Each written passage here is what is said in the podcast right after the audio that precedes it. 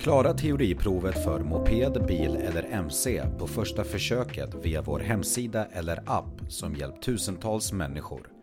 Besök körkortssidan.se och börja redan idag.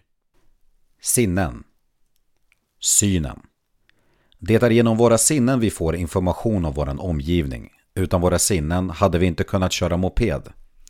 Ögat ger dig 90% av den information som behövs. Därför behöver du göra ett syntest för att få körkortstillstånd.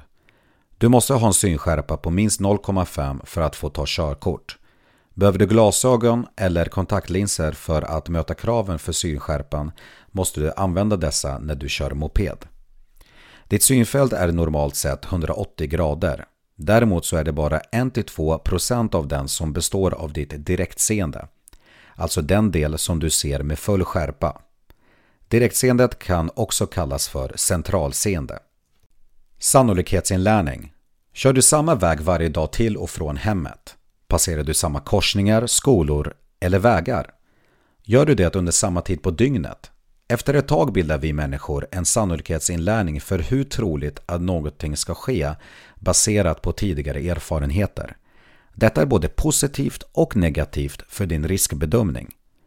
Det är positivt när du istället anpassar hastigheten vid samma övergångsställe då du sedan tidigare erfarenhet sett barn rusa fram utan att titta sig för.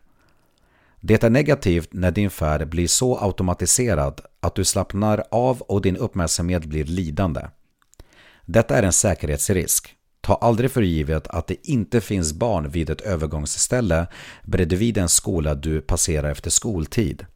Fast att det inte brukar finnas barn när du åker hem ifrån jobbet. Trötthet och mopedkörning. En aspekt som många underskattar när de ska ut i trafiken är trötthet. Kör du trött i trafiken är du en stor säkerhetsrisk och en direkt livsfara. Exempelvis påverkar en natt utan sömn reaktionstiden lika mycket som cirka 0,8 promille alkohol i blodet. Faktum är att hamnar du i en olycka på grund av trötthet bedömer lagen den på samma sätt som om du kört påverkad av alkohol. Undvik trötthet. Kör utvilad. Respektera trötthetssignaler. Korta körpass. Ta en paus efter max 1,5 timmes körning. Ät inte tung mat och kör inte dagen efter alkoholintag.